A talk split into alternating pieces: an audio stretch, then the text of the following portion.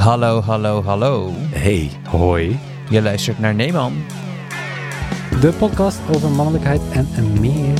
Ik ben Jules. Ik ben Daniel. En ik ben sinds mijn vaatwasser een incarnatie van Marie Kondo. Roger. Het is elke keer weer afwachten waar je nu weer mee gaat Maar komen. kun je dit even uitleggen alsjeblieft, ook voor de luisteraars?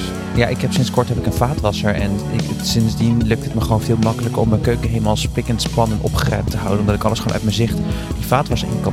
Dus ik voel me een soort Marie Kondo die helemaal het leven op orde heeft. En, en nagaat van, does this spark joy? No, it does not. Want ik wilde voorheen altijd gewoon mijn afwas, de vuile afwas uit het raam tyfen. Omdat ik geen zin had om mijn afwas te doen. Mhm. En nu heb ik een vaatwasser.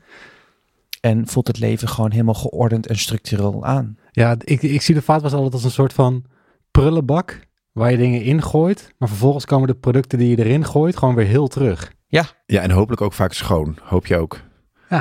Je moet soms geluk hebben met een goede vaatwasbeurt hoor. Ja, nou ja, ik, ja, ik heb er wel eentje waarvan je, waar je u tegen zegt. Ik, heb, eh, eh, ik drink heel veel thee en ik heb wat wikke, witte mokken. En het lukte me gewoon niet om die bruine aanslag weg te krijgen die je hebt als je heel veel thee drinkt uit je witte mokken. Maakt niet toen best ik me deed. Theedoek. Nou ja, tenminste als je eh, dunne mokken hebt en je hebt zeg maar van die klauwen zoals die van mij, dan is het wel een beetje moeilijk om alles helemaal... Maar goed, maakt niet uit. Ehm, maar door die vaatwasser zijn mijn witte theemokken gewoon helemaal wit. Net zo wit als het systeem in Nederland. Oh wauw, nou laten we het over gaan hebben. Ja, laten we het over wit hebben vandaag. Mooi bruggetje, hè? Mooi bruggetje. Mooi Ja, bruggetje. heel. Ja, waar gaan we het over hebben, Roger? Ja, vandaag hebben we weer een kletspraat. Eh, maar deze kletspraat is wat inhoudelijker. We gaan het hebben over de dag, eh, over de internationale dag tegen racisme en discriminatie.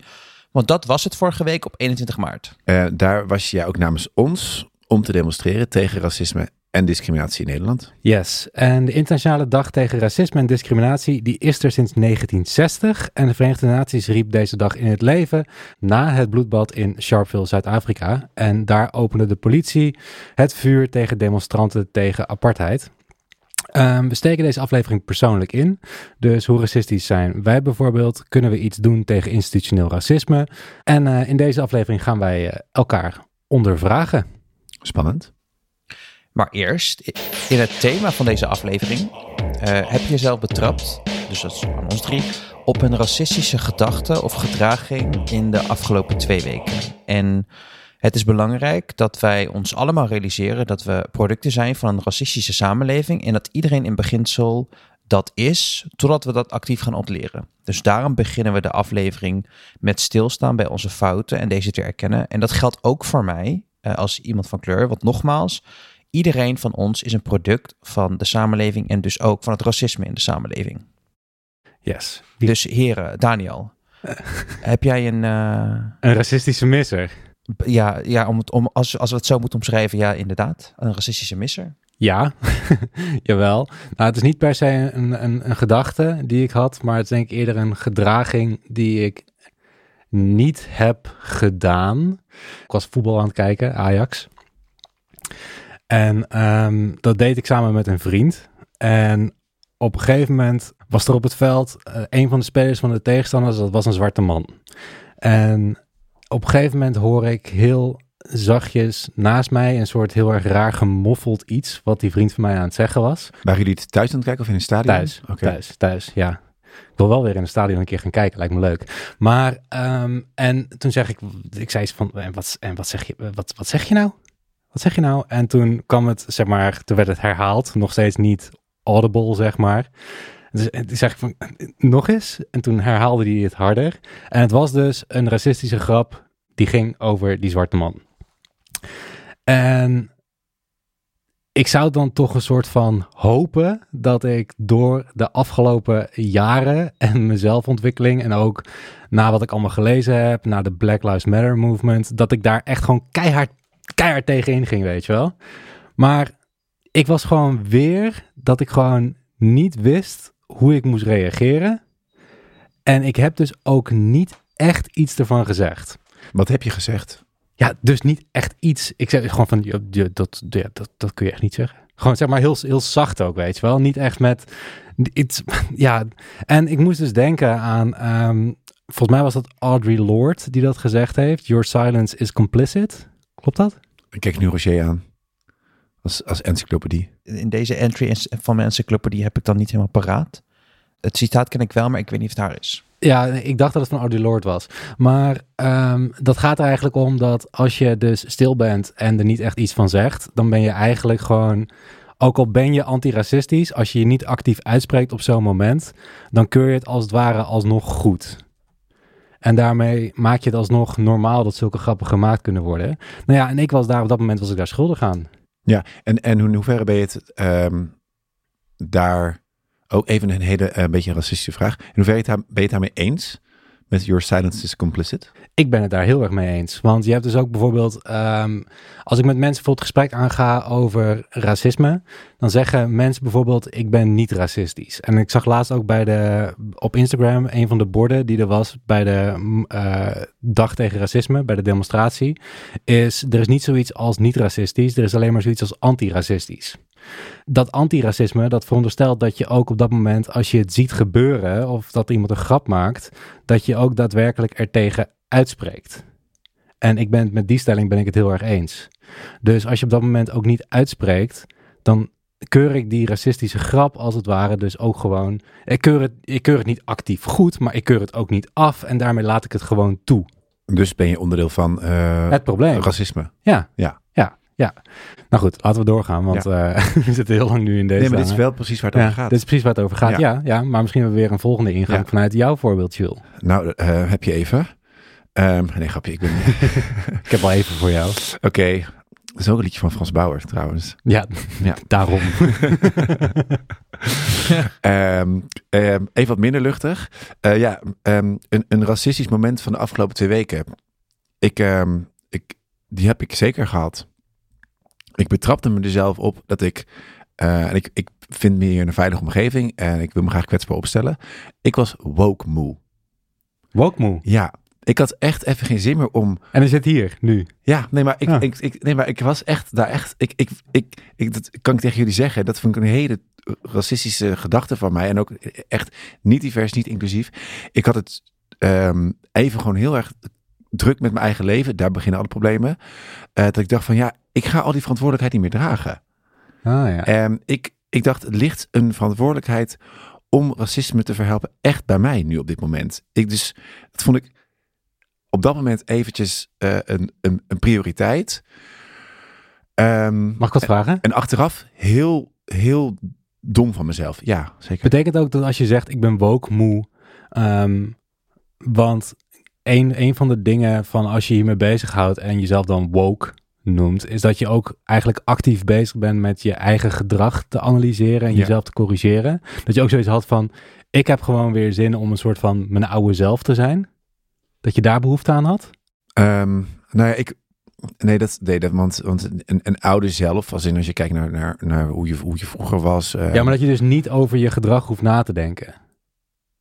ja, ehm, dat je gewoon nee, het, ongegeneerd jezelf kan zijn. zo vies ging het niet. Oké, zeg het was niet zover. Nee, Oké. nee, nee, nee, nee. nee. Nou ja. Als het was meer gewoon dat ik dacht van, ehm, ik heb geen, ik, ik was een soort van activistisch moe Ah ja. eigenlijk. Ah, ja. en maar dat, dat, dat vond ik eigenlijk ook omdat ik daarna eh, toch in wit huiswerk ben gedoken, dan kom je erachter dat daar juist een gigantisch probleem ligt. Dat is super, dat is super veel privilege. Dat is super veel privilege. dus daarom dacht ik ook, ben ik afgelopen twee weken racistisch geweest? Ja, want ik deed niet mee aan het, het activisme eigenlijk Ja. op die manier. En dat is precies waar een probleem ligt. Ja. Als je dan zeg maar daarin meegaat en denkt van, nou het enige wat ik belangrijk vind is of ik vanavond lekkere spaghetti eet en laat de wereld maar stikken. Zo was ik echt eventjes. Ja, en het ding is dat, dat jij kunt ervoor kiezen om ervoor weg te lopen. Ja. Terwijl als je te maken hebt met onderdrukking, dan heb je daar altijd mee te maken. En jij kan gewoon die keuze maken van, ah, ik sluit nu de deur achter me, ik kijk er niet meer naar om en ik kan gewoon verder gaan met mijn leven. Ja, en ik kon lekker als die ene meme in zo'n zo'n eh, hond in een verbrand huis zitten van, la la la, niks aan de hand, alles gaat goed. precies, ja. Prima. Maar wat was de aanleiding? Eh, de Was aan- er een bepaalde aanleiding waardoor je eventjes moe was? Nou, de aanleiding was gewoon ehm, eh, dat, dat ik eventjes zelf een aantal dingen op een rij moest hebben. Eh, en het, zelf heel druk had. En toen eh, dacht ik toch van, nou dan, de, de problemen in de wereld. Niet dat ik heel veel problemen had de afgelopen twee weken, maar het was gewoon even druk. De problemen in de wereld, laat die maar even. Laat Oekraïne maar, laat eh, discriminatie maar. Even gewoon geen zin in. Dat, dat is ook, ja, dat, dat is een, ik wil zeggen een goed recht, maar het is een heel wit goed recht. Geprivilegeerd wit recht. We begonnen de aflevering met witgoed. Ja, En nu heb je ook weer een witgoedrecht. Bruggetjes, bruggetjes, bruggetjes, bruggetjes. maar goed, ja, ik weet niet wat jullie daarvan vinden. Ja, ik denk, kijk, ehm, ik zou willen zeggen, ik snap je, maar ik heb dat niet helemaal. Ehm, en alle eerlijkheid, als in van, ik, ik, ik begrijp dat, dat dat voor jou zo is, maar ik heb zelf die voor, voor, voor activisme of tegen onderdrukking gaan of zo. Ik heb dat minder, dat gevoel dat ik moe, tenminste, ik ben ook moe, maar ik kan het niet naast me neerleggen. Maar tegelijkertijd, ik zou ik wel willen zeggen van gun jezelf ook die moment of die empathie. Omdat niemand kan 24/7 de activist uithangen. Ehm, want als je dat doet, dan eh, kost het heel veel mentale energie en voor je het weet ben je vallen van huis. Tegelijkertijd, als we kijken naar de context van de wereld waar we in leven, is crisis na crisis na crisis. We hebben twee een pandemie gehad die overigens nog steeds niet echt per se voorbij is, maar de liberalen in Nederland pretenderen dat het wel zo is. We zitten nu al een maand lang in, uh, is, er, is er oorlog in Oekraïne. En er is constant leed en dood en verderf uh, om je heen. Dus het is ook niet zo heel gek als je dan ervoor kiest om eventjes een moment niet te willen. Um, en ik denk dat het goed is om die momenten rust te nemen. Want als je uitrust, dan kun je vervolgens wel weer op de momenten dat je uitgerust bent, je weer inzetten. Zolang je dat, zolang je dat maar doet. Dat heb ik ook wel zeker gedaan. En het, dit, uh, ja, letterlijk ons huiswerk voor deze podcast kwam eigenlijk ook op een goed moment. Namelijk het, lezen van het, het, boek Wit Huiswerk. Waardoor, je toch weer waardoor er toch weer een trigger was aangegaan op een hele fijne manier. Van hey, um, dit is ook weer een fijne instap om toch je wat meer um, in te zetten voor rechtvaardigheid. Dat ja. voelde wel goed. Maar, maar ik ben wel daar in de afgelopen twee weken niet, um, daar, daar echt niet mee bezig geweest. En dan aan de hand van dit, dit boek, Wit Huiswerk, kwam ik ook achter, ja, dat is, dan ben je schuldig aan racisme. Eigenlijk als je dat doet. Want, je, ja. want je, ja, dat is toch die silence waar je het dan over hebt. Ja, ja. Die ook heel comfortabel kan zijn. Ja. ja. Mag ik ook zeggen dat ik dit, dit herken? Ik had namelijk het begin van dit jaar. Maar dat, gaat, gaat niet hierover. Maar, het is ook typisch dat twee witte mannen dit eigenlijk zeggen, dat ze dit, uh, dat ze dit hier weer mee zitten. Ja, het gaat, maar bij, bij mij ging het niet om, uh, om mijn witheid, maar het ging om mijn heteroheid. Oh ja. Want uh, als je kijkt naar de afleveringen van Neeman, een van de een van de, de lijntjes die er wel in loopt, is dat ja, we hebben het over, over uh, onderdrukking door mannen. En dan zowel voor mensen die onderdrukt worden, maar ook mannen zelf. En heel vaak wordt het, zeg maar, het heeft ook te maken met een bepaald soort heteronormativiteit. Dat die heteronorm die onderdrukt ook. En op een gegeven moment werd het een soort van. We waren best wel anti-hetero bezig. Maar ja, ik ben ja, momenteel, ja, ik ben hetero. En op een gegeven moment had ik zoiets van ja, fuck it. Ik heb ook gewoon wel zin gewoon om niet meer boos te zijn op hetero's. En ik wil ook gewoon hetero zijn. Snap je? Een soort van, ja. Ik was ook eventjes moe met kritisch zijn op hetero zijn. En ik dacht van, ja, nou ja, ik, ga, ik had ook zoiets van dit jaar, nou, ik ga dit jaar ook gewoon weer even kijken. Gewoon, ik ga dit jaar ook gewoon weer lekker hetero zijn. Ja, dat, dat is iets heel anders hoor, nee, maar, maar dat, ik herken dat, het wel. Ja, dat komt natuurlijk ook voor uit een, uit een privilege. Ja, dat is ook zo. Je hebt jezelf even wat rust gegeven. Nou, dan kon je weer door. En tegelijkertijd heb ik daar ook wel begrip voor.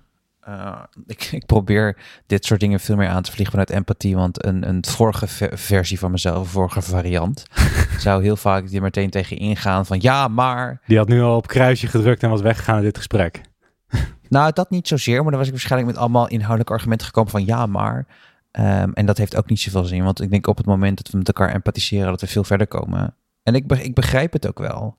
Um, omdat dat kenmerken zijn van jezelf. En dat, maar ik denk dat het ook weer te vergelijken is met hoe we in het tweede seizoen het hadden over mannenhaat. Samen met Nidia en Marilotte. En dat het eigenlijk uh, niet zozeer gaat om. Of tenminste, dat, dat, dat ik het snap, omdat je die koppeling trekt met de dingen waar we kritisch over zijn. Ten en in, gekoppeld aan individuen zoals jij, die dan die kenmerken vertonen. Mm -hmm. Terwijl het eigenlijk gaat over de systemen. Dus ik begrijp wel wat je, uh, waar die gevoelens vandaan komen.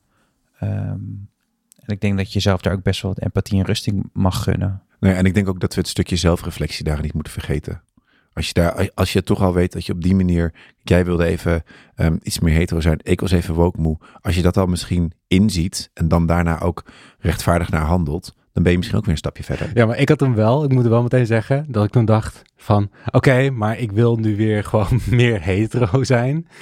Maar wat betekent dat dan? En betekent dat dan dat ik weer gewoon al die Dat je homofoob bent. homofoob ben en allemaal dat soort dingen? Ik dacht van nee, dus nee. Toen dacht ik gewoon van... Ja, ik wist, ik wist niet wat het inhield. Nou, je had het gevoel dat je je misschien wel comfortabel voelde bij het, het, het, het, het, het horen bij een meerderheid. En voor de rest je niet eh, daarin activistisch wilde opstellen. Ja, ik was, of ik was misschien ook in die zin gewoon een beetje woke moe, eventjes. Ja. Nou goed. Ehm maar Rocher, wat is jouw ervaring van de afgelopen twee weken? Nou, ehm, eh, ik heb me zelf betrapt op. eh, oh nee, laat ik het anders zeggen. Eh, vorige week ergens, volgens mij op zaterdag de 19e, was het Holi. En dat is een feestdag onder in het Hindoeïsme. Waarbij eigenlijk gevierd wordt dat het lente weer begint. En wordt er ge, ja, je ziet, die wordt heel vaak wordt het ook ge- gecapitaliseerd door festivals, Holi Festival, bla bla. Dat er met kleurpoeder gegooid wordt. Maar dat is een feest van het, in het Hindoeïsme. En nou, ik ben dus zelf eh w- eh, Hindoestaans en wit-Nederlands. Ehm, als een dubbelbloed, als, om het maar zo te zeggen. Dus ik heb ook wel een aantal Hindoestanen in mijn omgeving. En ook op social media en zo. En ik moet zeggen dat ik me echt behoorlijk ergerde aan ze. Ehm, omdat dan in één keer alles erg opkomt. eh, omdat Holly het is. En ik merkte dat ik mezelf betrap op het feit van... Oh, Hindoestanen zijn altijd zo extra. Eh, en daarmee dat ik ook wel daarin... Ho- Hoezo vind je hen extra? Nou, ik, het is meer... Ja, ehm, Of ben jij basic?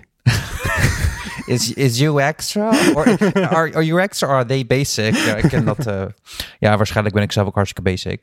Maar ehm, ja, ik, het is meer denk ik gewoon de, de, de, de extravagantie die erbij komt kijken hoe ze zich uit op social media.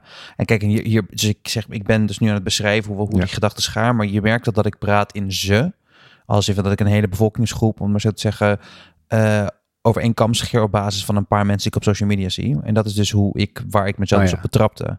Eh, dat ik meer, is niet per se inhoudelijk extra, maar meer hoe ik de manier waarop ik me opstelde. Wa- Wat heel erg ironisch is, omdat ik zelf dus eh, enerzijds Hindoestaans ben, maar ik voel, ik heb daar gewoon dus heel weinig verbinding mee. En dat heeft ook allemaal een heel lang verhaal ook met mijn eh, queer zijn en zo te maken. Maar er is gewoon een bepaalde, eh, ik heb ook gewoon vooroordelen naar die bevolkingsgroep en daar betrapte ik mezelf weer op in de afgelopen, afgelopen week, toen het met Holly was. En heb je daar ehm, ehm, geluid aan gegeven? Hoe heb je, of heb je dat in jezelf gehouden? Hoe heb je dat, ben je daarmee omgegaan? Eh, nou, ik was vrij snel dat ik bij mezelf dacht van, oh, dat is eigenlijk voor, dat is een voordeel, dat is niet zo heel, eh, heel aardig van mij. Dus ik heb mezelf daar gewoon op gecorrigeerd. Ook te- tegen mezelf te zeggen van, je kunt niet op basis van een paar mensen die op social media ziet, of een paar foto's of een paar Facebookgroepen, whatever, een hele bevolkingsgroep waar één kam scheren. Nee, en wat is er ook mis met een beetje extra zijn? Of gewoon met überhaupt extra zijn? Niet een beetje. Ja, maar het was niet zozeer het, die extraness, maar meer. ehm, eh, dus niet zozeer dat ik. Het ging niet om het feit dat ze extra zijn, maar meer dat ik dacht in ze zijn extra. Dus de bevolkingsgroep zijn extra. Ik bedoel, er is zeer zeker niks met extra zijn. Want ik bedoel, ik maak wel een grap dat ik basic ben, maar tegelijkertijd kan ik zelf ook helle extra zijn. Ik denk als je de mensen in mijn omgeving vraagt of ik extra ben, dan ben ik dat zeker. Dus daar zit het niet in. Maar het is meer dat ik dus ze over één kam Ah ja, schoor, Scheerde. scheerde. Schaarde. Oeps. Ehm, moving on. Ehm, door gewoon enkele onbenullige, oppervlakkige eh, informatie of observeringen. Dus heel, heel onbenullig. En ik heb mezelf eigenlijk vrij snel mentaal gecorrigeerd. Nee, maar het zijn toch eh gedachten, gedachten, spinsels, gedachtegoederen. Ehm, als die zeg maar uitvergroot worden, kan het wel redelijk tot een probleem leiden. Ja, zeker. Zeker. Dat, eh, Ja. Daar begint het mee. Mensen, eh, heel erg stereotyperingen. Als je het hebt, we hebben het wel eens in het verleden gehad over de Pyramid of Violence eh, in het tweede seizoen. En dat gaat op over gendergerelateerd geweld, maar het gaat eigenlijk op over alle soorten marginalisaties. Onderaan de piramide begint het met generaliseringen, stereotyperingen, denken in ze zijn en dat toeschrijven aan hele bevolkingsgroepen. Maar een interessante vraag die ik hierbij heb. Ik vind het zelf een hele interessante vraag. Maar ehm de, sorry, een hele rare introductie van een Ik vind het een leuke monoloog. Ga door. Ja, dankjewel. Ehm denk jij dat doordat je dus ehm, nu hier zo bewust van bent, dat je die stereotype die je in je hoofd hebt, kunt corrigeren? Waardoor als de volgende keer, als je het weer op Instagram ziet verschijnen, dat je niet meteen denkt, damn, day extra of zo. Ja, eh, ik, heb dat, ik heb het al vaker. Zo, zo, leer ik het mezelf. Op het moment dat ik, ik, ik, omdat ik dus hier heel veel mee bezig ben met deze onderwerpen, ben ik me vrij snel bewust als ik denk in generalisering of stereotyperingen. Dus dan onthoud ik dat, maak ik een mentale notities op het moment dat ik de volgende keer eenzelfde soort trigger zie, om het maar even zo te zeggen, was er een iets, iets wat dat eh, opwekt. Dan denk ik bij mezelf, oh, toen had ik de vorige keer had ik daar een stereotype, dus nu bewust laten we dat gaan. Gaan we dat niet uh, Mag ik hier een bruggetje maken naar ehm, waar dit me aan doet denken van toen ik nog les gaf op de universiteit? Mag van mij. Ga je gaan. Hebben jullie ooit gehoord van het systeem 1 en systeem 2 denken? Nee. Uh, neurologisch gezien bedoel je? Het komt zeg maar vanuit hoe het brein functioneert. Ja. En het, het ging bij ons ging het in de context van uh, mensen die regels overtreden. En je hebt bijvoorbeeld wel eens dat er rijden best wel veel mensen door rood. Maar de vraag is van, rij jij bewust door rood of rij je gewoon door rood? En heel veel van dat soort dingen die regelovertredend zijn, dat zijn eigenlijk onbewuste dingen. En dat komt als je kijkt nou naar het brein, dan werkt 95% werkt onbewust en 5% werkt bewust. En dat onbewuste, daar zitten allemaal bepaalde stereotypen in en representaties van bepaalde situaties. Kun je het nog volgen? Mm -hmm. En als wij gewoon, als wij bepaalde mensen zien of bepaalde situaties zien, dan gaat dat onbewuste, die neemt voor ons eigenlijk al de beslissing voordat we bewust de beslissing nemen. Dus je rijdt rood. Dus je rijdt door rood, maar je denkt er niet over na. En heel veel dingen die we doen, die eigenlijk niet mogen, um, vallen in dat systeem 1 denken. Dat is dan het gros van de beslissingen. En dat is heel functioneel, want als we alles zouden moeten doen volgens die 5% die allemaal bewust is, dan zijn we doodmoe de hele dag. Want bijvoorbeeld als ik nu een slok koffie neem, dan is het eigenlijk zou het een bewuste keuze moeten zijn. Als ik dat bij alles moet doen wat ik doe, dus ook mijn handen die ik nu beweeg, dan raak je heel erg vermoeid. Het is een beetje automatische piloot die, die ook soms een fout maakt. Precies, het is eigenlijk de automatische piloot.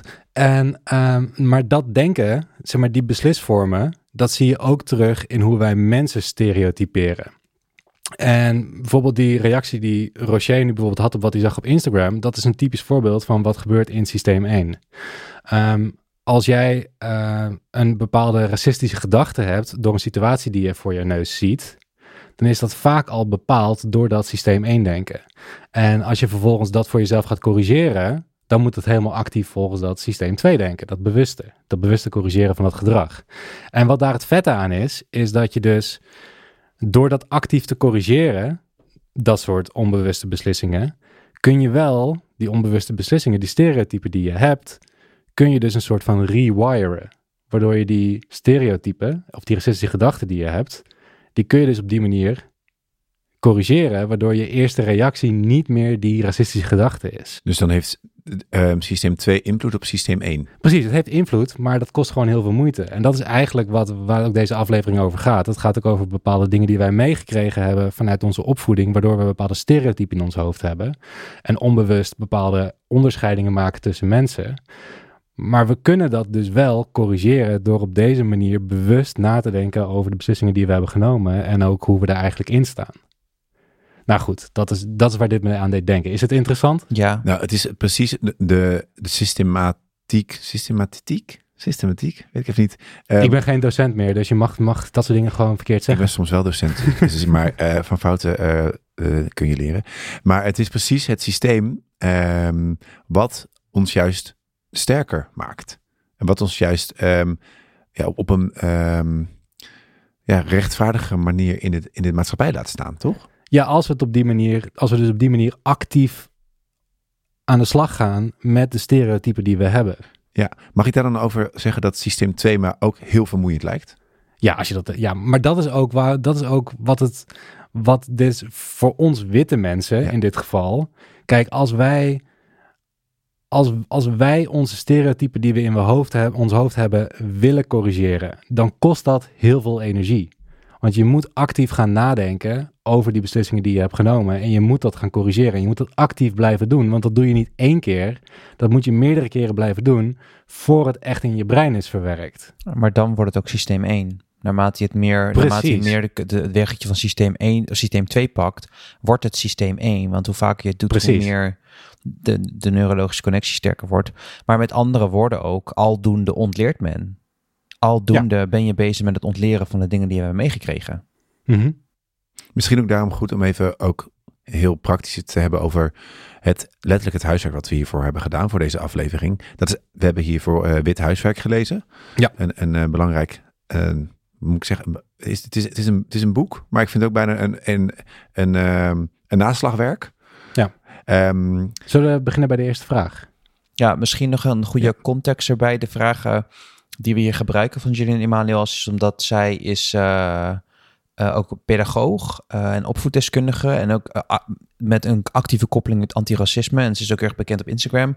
En daarom hebben we ook die vragen nu ge, ge, uitgekozen om elkaar ook om die te beantwoorden en elkaar te stellen. Omdat wanneer het- dit gaat dan over, het zijn vragen die je kan, stel, die je kan stellen aan je kind als je die antiracistisch wil opvoeden. Maar in feite kan je ze ook iedereen stellen. Want zeker als je niet helemaal well-versed bent in antiracisme, zijn, zijn we in feite allemaal nog kinderen wat betreft ons antiracistische ontwikkeling. Ja, en ik denk dat je eerst deze vragen voor jezelf duidelijk moet hebben voordat je andere mensen deze vragen kunt stellen.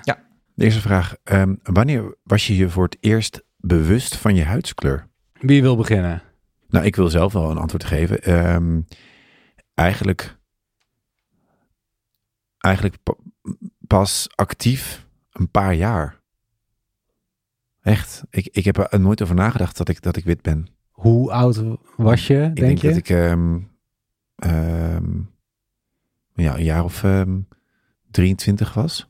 Oh ja. Nou, een paar jaar. Ik bedoel, je bent dan ook wel... eh, ja, nee, maar goed. er is een paar jaar overheen gegaan. Maar, eh, eh, nee, maar, maar da- daarvoor echt niet. Echt, echt niet. Pas als je...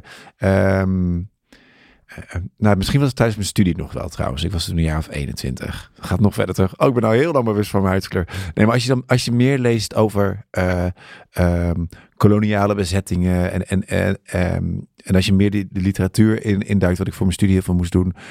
dan ga je toch ook meer... ehm, toch nadenken van... hé, hey, ik ben echt... Ik, ben daarin echt anders. En dan, dan word je niet alleen bewust van je huidskleur... maar toen werd ik ook bewust van... wat zo'n huidskleur met zich meebrengt. Dus dan word je actief bewust van je huidskleur. En, en, en wat brengt zo'n huidskleur dan? Nou, toen ondervond ik wel van... oh ja, ik heb echt tering veel eh, privileges. Oh ja. Dat, dat, dat merk ik toch wel. En dat komt echt omdat ik een andere eh, kleur huid heb. Ehm daar heb ik voor de rest echt niks mee gedaan. Maar gewoon, gewoon oh, heb privileges. Ja, het is, het is interessant hè, dat je dan dat je denkt dat je bijvoorbeeld dat je op de universiteit zit of dat je een bepaalde baan hebt of dat soort dingen, dat je dus echt oprecht denkt dat het komt door je eigen merits, omdat je gewoon bepaald. het komt ook omdat je goed bent in bepaalde dingen, maar je huidskleur heeft je niet tegengezeten. Nee, Nee. Nee, maar, maar dat je echt... Ik heb echt oh ja, eh, ik zie vooral op mijn huid zie ik gewoon van, oh, dat is een huid, dat is, eh, dat, dat is een beetje vochtig, dat is, daar zit toch dit vel omheen. Maar die kleur daarvan, Lekkere klamme handen. ja, ja, lekker klamme handen, soms, oh, soms ook droog. Ik heb ook soms handcrème ervoor. Maar ehm, dat je echt bewust van, oh, dit, deze huid heeft ook een kleur. Nou, dat kwam echt pas heel laat. Oh ja. En voor jou, Roger? Ehm, nou ja, het, het eh, bij mij, wanneer ik me bewust was, tenminste, het bewustzijn van, mm, van de huidskleur die ik heb, was al bewust, was al daar toen, het, toen ik nog niet eens een persoon was, maar het idee aan mij er was. Namelijk, eh, ik heb een paar jaar geleden met met mijn vader het hierover gehad. En die vertelde dat hij voordat ik geboren was, voordat zijn, mijn, mijn zusje geboren was, eh, hij zich al heel erg bewust was en zich pijn in de buik had van het feit van hoe, en dat hij zichzelf afvroeg van hoe gaan mijn, hoe, ze, hoe zal de wereld zijn voor mijn kinderen? Hoe gaan mijn kinderen als kinderen van kleur de wereld ervaren? Dus eh, dat is dan niet per se dat ik me bewust was van mijn huidskleur, maar dat het bewustzijn van mijn huidskleur in deze wereld er al was voordat ik er was. Dus min negen maanden, was dat bewust. Ja, basically wel, ja. Ehm, en ik persoonlijk, ja, sowieso, zolang ik me kan heugen. Ik bedoel, ik ben op de basisschool een keer uitgemaakt voor het N-woord. Ik zat constant op witte scholen. Het was, ik bedoel, ja, ik kan natuurlijk een hele waslijst gaan opnoemen. Dus vanaf het, vanaf het moment dat ik me kan...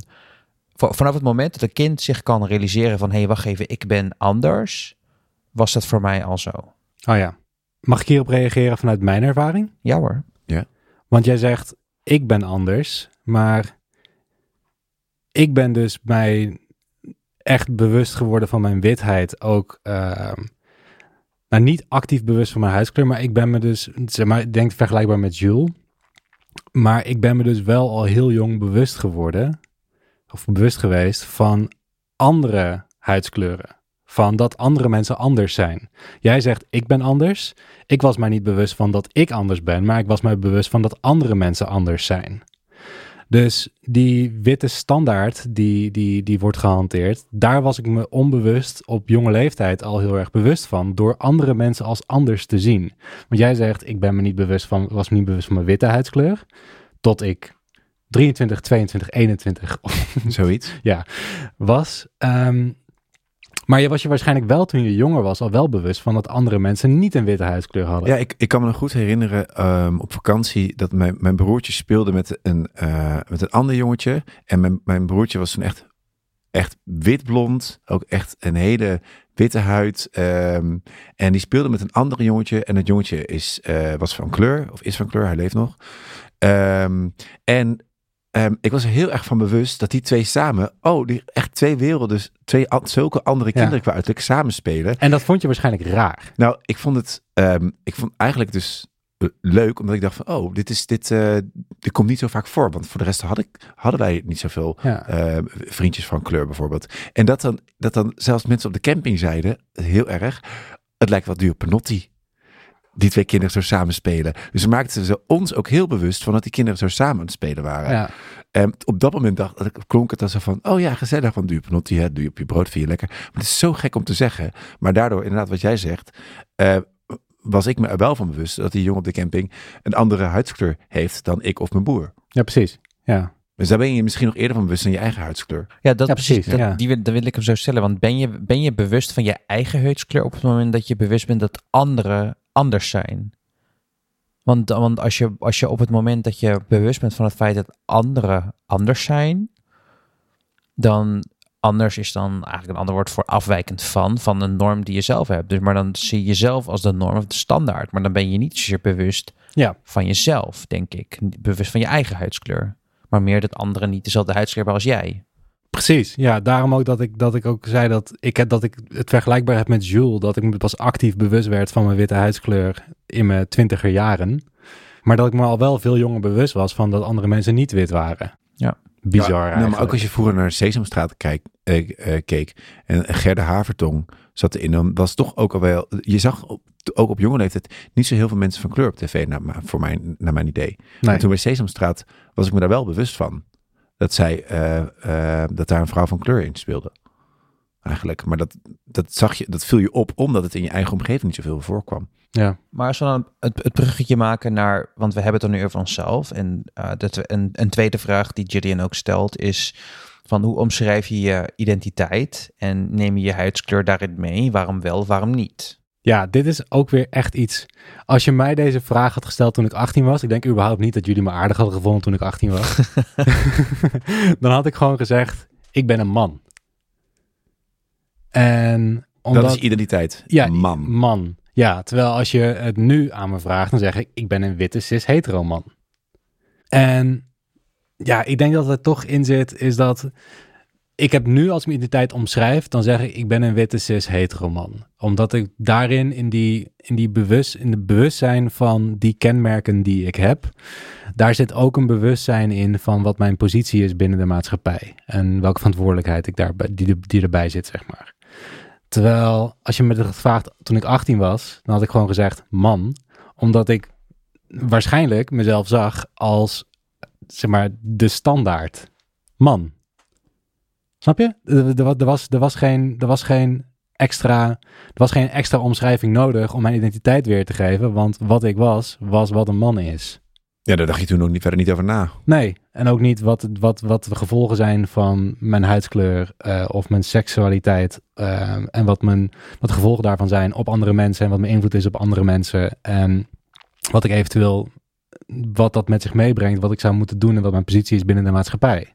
En hoe is dat dan nu ver- zo? Dat, hoe kan het dan dat het nu veranderd is, je omschrijving? Ja, gewoon heel veel verhalen gehoord van mensen Ja. en ook gelezen. En eh moeten ook zeggen dat de echte bewustzijn, terugkomend weer op die eerste vraag die we ons hebben gesteld, is pas echt gekomen in tijdens de Black Lives Matter protesten na de moord op George Floyd.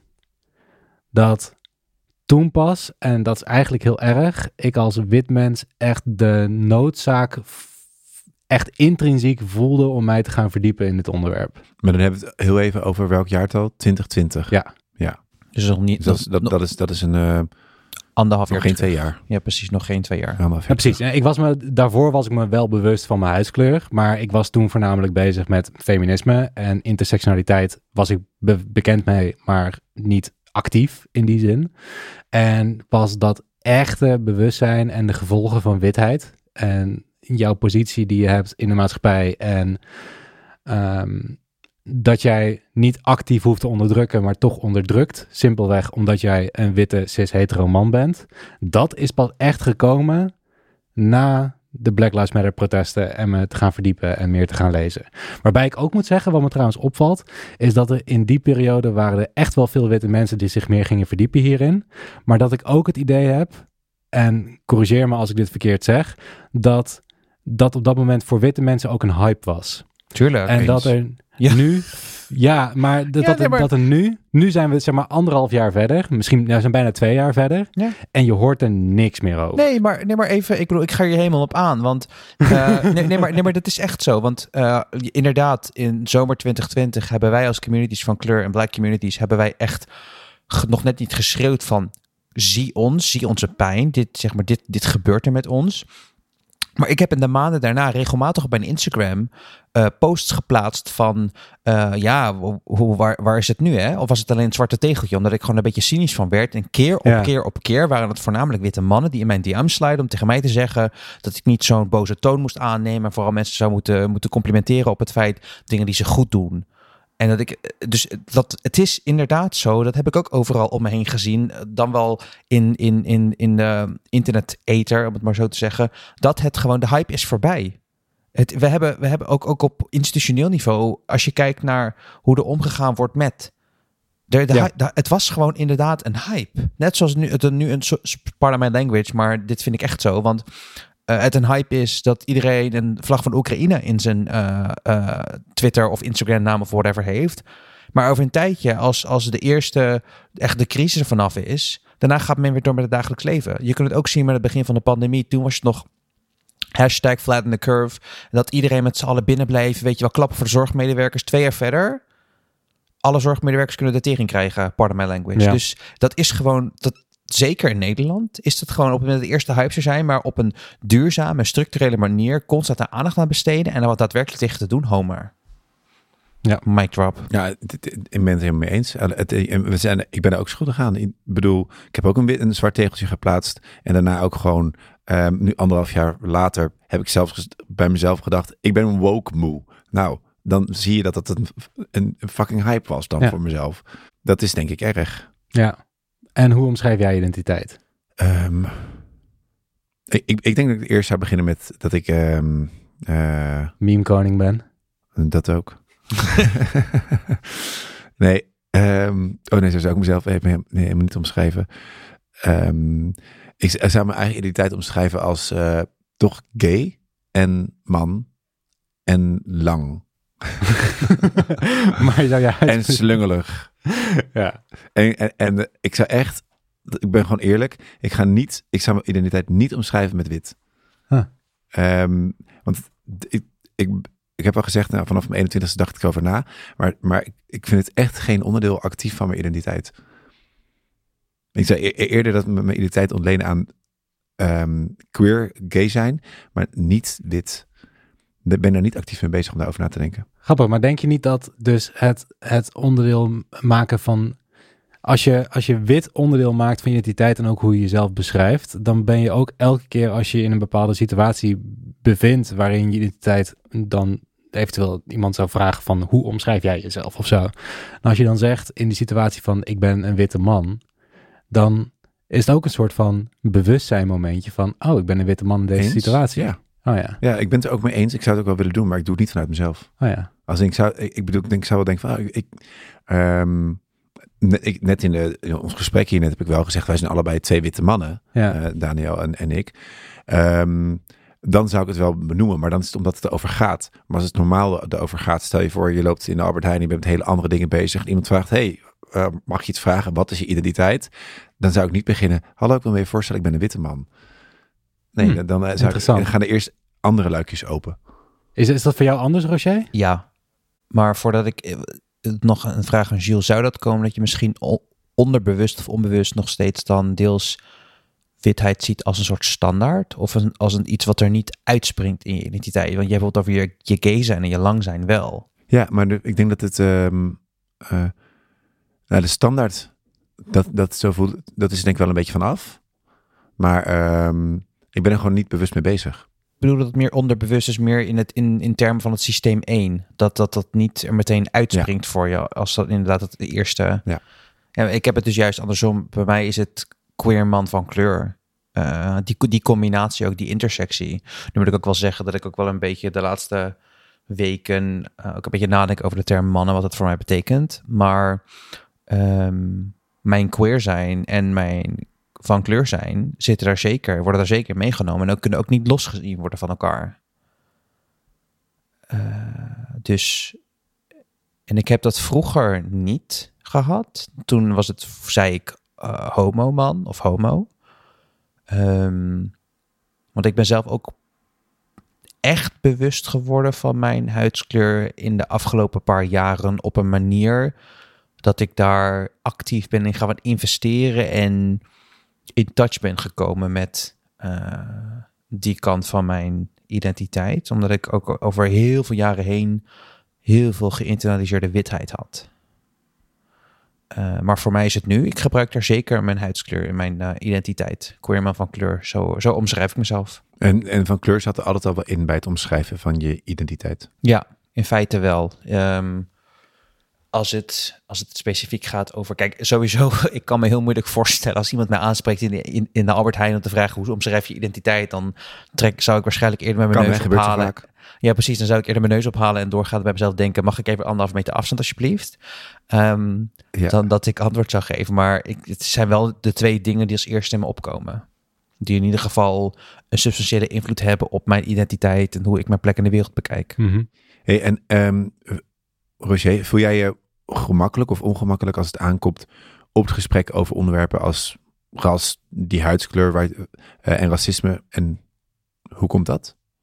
Eh, oh ja, ik voel me gemakkelijk en ongemakkelijk. Eh, maar dat ligt aan de, de setting. Wat ik heel vaak doe, dat heb ik nu ook, ehm, is dat ik het heel... We- we, we vliegen het best wel, we, zijn, we stellen ons kwetsbaar op. Maar wat we hier in dit gesprek eigenlijk doen, we vliegen het voornamelijk intellectueel aan.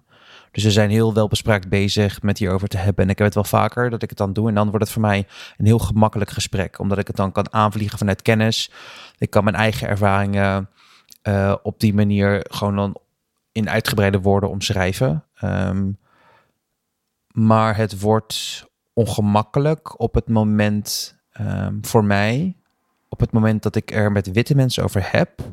En ik heb een soort standaardreactie om het niet te erg door te drukken, omdat ik heb best wel over de jaren heen witte mensen die, in het nauw gedreven, die zich in het nauw gedreven voelen. Door dit ges door gesprekken over racisme of antiracisme dan in één keer hele ongemakkelijke dingen gaan doen. Maar ook van zich af gaan slaan, figuurlijk gezien Mhm. dan word ik altijd een beetje voorzichtig, slash huiverig, slash ongemakkelijk op het moment dat ik er met witte mensen over heb, omdat ik altijd zo niet zo goed weet van, oké, hoe kan ik het erover hebben? Dus als we het hebben over de onderwerpen zelf of in de samenleving, dan wordt het heel gemakkelijk. Maar op het moment, stel ik zou jullie niet zo goed kennen eh, en het zou hier over gaan en ik zou bijvoorbeeld willen hebben over het aandeel van witheid of zo. Het is natuurlijk altijd een beetje, let ik best wel op mijn woorden om het op zo'n manier te omschrijven dat het wel aankomt bij de witte luisteraar, maar dat hij zich niet per se persoonlijk aangevallen voelt, omdat het anders er, dan gaan de muren omhoog, wordt defensief, komen allemaal stereotypes en zo.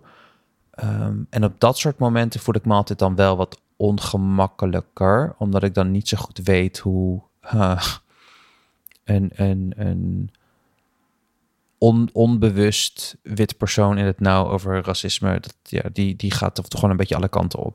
Ja, dus je bent eigenlijk heel erg met een beetje fluwelen handschoenen ben je bezig. Ja. Omdat je ja, ehm, toch denkt van oké, dit, dit kan misschien escaleren of uit de hand lopen ehm, en dan streeft het zijn doel voorbij. De fluwelen handschoen voor om om te gaan met de witte fragiliteit van de ander.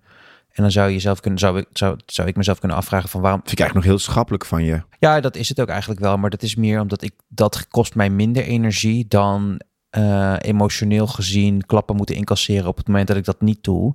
En de, de witte persoon tegenover mij, diens fragiliteit, fragiliteit is dan te fragiel en die gaat dan, die, wordt die gaat dan niet schappelijk reageren. Dan moet ik uh, daar klappen van uh, gaan incasseren. En dat, dat kost mij meer energie, want dat kwetst mij. Ik heb wel eens gehad dat ik een webinar aan het hosten was. En dat er iemand in één keer rassenleer aan het verkondigen was in de chat.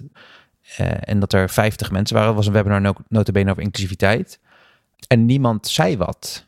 Oh ja. Niemand sprak zich uit. Ik voelde me heel alleen. Ik voelde me heel eenzaam. Ik voelde me ook heel vernederd. Dat kwetst meer. Dan komen er echt momenten uit dat het, dat het dan op mij gericht wordt. Omdat ik van kleur ben. Dus dan ben ik meteen de personificatie van en dan moet ik dat gaan incasseren. En dat kan ik ook wel, maar dat kost me energie. En soms moet ik, dat je dan, kan me op het moment zelf heel staande houden. Maar dan moet ik daarna, soms het is huilen, of dan zit het me best wel dwars. En dat kost me meer energie dan met een, met de fluwelen handschoen proberen dingen uit te leggen. Maar dat is wel, dat, dat, dat, wat ik hier ook in hoor, is dat er, dat er in dan zo'n, in zo'n groep dat er niemand opstaat en er iets van zegt. De verantwoordelijkheid om je uit te spreken tegen racisme wordt heel vaak bij mensen van kleur of zwarte mensen neergelegd. Mhm. mijn vermoeden is dat jij vaker gesprekken hebt, Rocher, over racisme, dan dat ik gesprekken heb over racisme.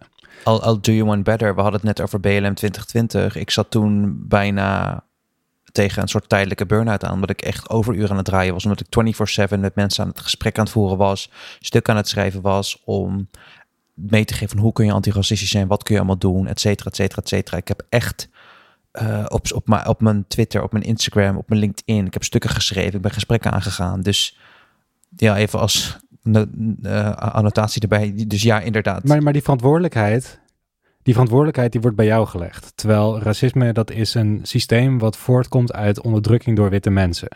En Waarom zou dan de verantwoordelijkheid worden, moeten worden neergelegd bij de onderdrukte, om vervolgens de onderdrukker uit te gaan leggen wat de onderdrukker fout doet? Ja, je moet er naar luisteren, maar het is toch voornamelijk als dat systeem wordt gefaciliteerd door de onderdrukker, dat de onderdrukker zelf de verantwoordelijkheid moet nemen om dat systeem te gaan ontmantelen. Dus dat dat gesprek niet per se, dat de mensen niet zeg maar naar jou toe moeten gaan om te vragen van, hey, is dit racistisch? Kun je racisme even aan me uitleggen? Maar dat in dat geval dus er witte mensen in de chat zouden moeten zijn, zouden moeten zeggen van, yo, mhm. dit is niet wat we hier doen. Toch? Ja, maar die verantwoordelijkheid, uh, die, die re revolutie van bij wie de verantwoordelijkheid ligt, is, is toch ook wel nu deels in gang gezet, maar nog steeds niet daar, nog lang niet daar waar het moet zijn. Nou ja, het was in gang gezet omdat Black Lives Matter een hype was. Maar nu, nu hoor je er niks meer de over. hype weg, dus witte mensen En nu zijn alle witte mensen woke move. Ja, daarom. Nee, dat is echt zo. Ja. Ja, maar, maar dat was in gang gezet in onze kringen. Hè? Want als je het gaat vragen aan de gemiddelde Nederlander, die bijvoorbeeld misschien niet in de Randstad woont, dan zal die verantwoordelijkheid daar nooit hebben gelegen. Nee, en is ook niet sinds die tijd het conservatieve geluid weer een stuk groter geworden? Ja. Sinds de Black Lives Matter movement in Nederland. Ja, Zeg maar, ja. Als in dat heeft een ander, ander vuur doen opwakkeren. Ja, precies. Een tegengeluid. Ja, ja maar Wat, het, wat het ook is, tegelijkertijd dat systeem van de onderdrukker, dat is zo ingericht dat het de onderdrukker voorde dat het voordelig is voor de onderdrukker. Dus de onderdrukker zal sowieso minder snel die verantwoordelijkheid pakken. Daarnaast, wat er ook zou moeten zijn, als, het, als ik het niet doe, dan ik vertrouw niet dat het gebeurt. Ik, ik zou jullie erop vertrouwen dat jullie dat die gesprekken zullen aangaan. Maar als ik moet nagaan over hebben over de verantwoordelijkheid, en dan heb ik het even over mezelf persoonlijk ik vertrouw heel weinig mensen dat die dat dan goed uitleggen of dat het dan goed gebeurt. Ja. Uh, omdat het heel erg, zeker in Nederland, we, gaan, we zijn heel erg bezig met dingen rationaliseren, heel erg het redelijke midden opzoeken. Ik bedoel, we zijn dan iets meer, als je kijkt naar de peilingen, iets meer dan de helft van de Nederlanders vindt zwart, Zwarte Piet racisme. Maar alsnog is het best wel een aanzienlijk deel die dat niet zo vindt. En het is 2022, weet je, BLM, et cetera, wel eens gehad. Dus die verantwoordelijkheid, het is een soort van, ik pak hem maar, omdat het anders niet gebeurt. En nu de hype eigenlijk over is, maar niet over, over lijkt, maar niet is. Want dat mag niet eigenlijk. De hype is over, racisme niet. Ja, dat wil ik eh, zeggen. Ja. Ehm, heel even op de toekomst gericht ehm, en ook praktisch gezien. Hoe zouden we dit, dit, dit nog steeds immense probleem, wat racisme of discriminatie heet, toch nog kunnen aanpakken dat het niet alleen bij een hype blijft, maar dat het ook echt eh, binnen onze instituten goed wordt aangepakt? Ja, het is een hele grote vraag. Ik bedoel, je bent, je bent degene hier voorzitter van de VN, maar wellicht heb je een idee.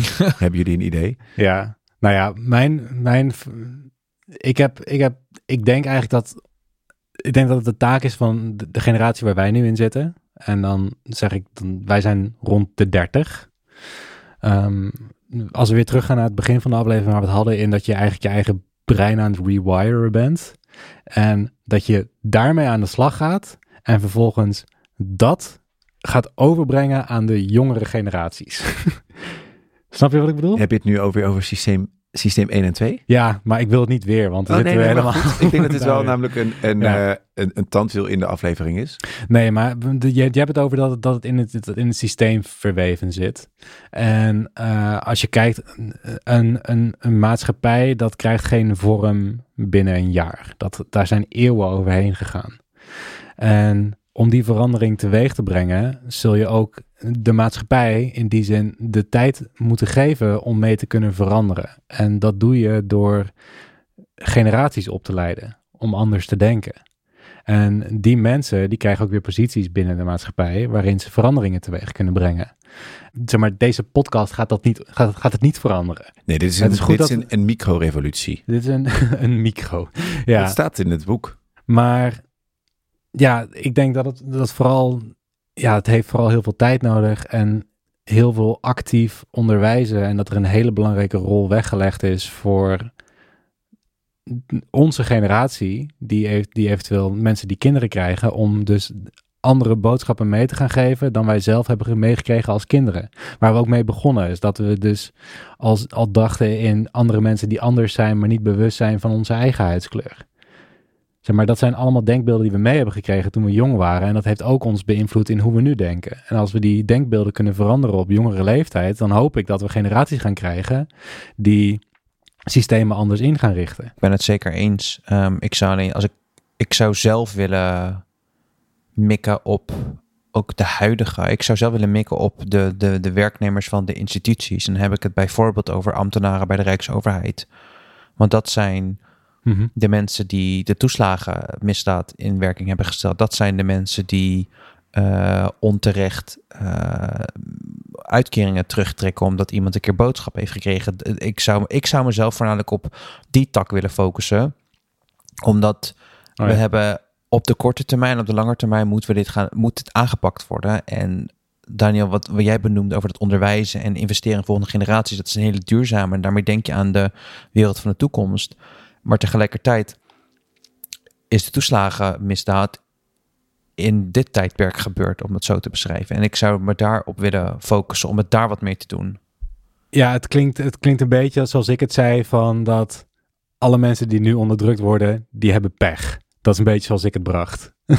maar dat is niet wat ik bedoel. Nee, maar zo, zo vat ik hem ook niet op. Want ze- zeker bij, bij alle change begint bij ehm, onder andere bij de volgende generaties. Weet je, daar kun je echt duurzaam in investeren. Dat is eh, waarom dingen repareren als je het de eerste keer meteen goed kan doen, om het even zo te zeggen. Maar tegelijkertijd is het wel Ja. nodig om in het huidige tijdperk ook dingen te doen en daarop te focussen.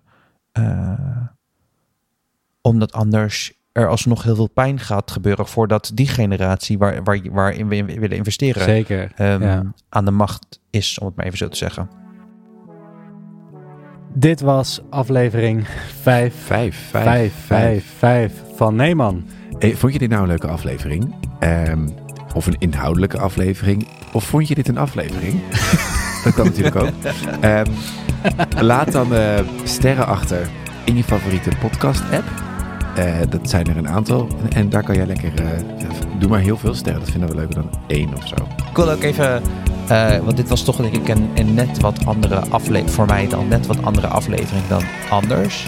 Eh, dus ik wilde jullie ook eventjes, eh Gilles en Daniel, bedanken voor, eh, voor de tijd dat we hier gewoon hebben genomen om het hierover te hebben. Ja, en ik denk ook dat we, we moeten hier gewoon nog een aflevering over maken. Want er is er gewoon nog heel veel onbesproken. Van alle vragen die we eigenlijk aan elkaar wilden stellen... hebben we er letterlijk drie van de plus tien eh, gehad. Ja, dus hier komt nog een aflevering over. Ja. Misschien kunnen we Gillian Emanuel zo een keer vragen voor een aflevering over antiracistisch opvoeden. Ja. Maar oké, dat is in ieder geval iets voor in de toekomst. Oké, nou, Thanks voor het luisteren. Dankjewel. Tot de volgende keer. Tot de volgende keer. De Doei. groeten.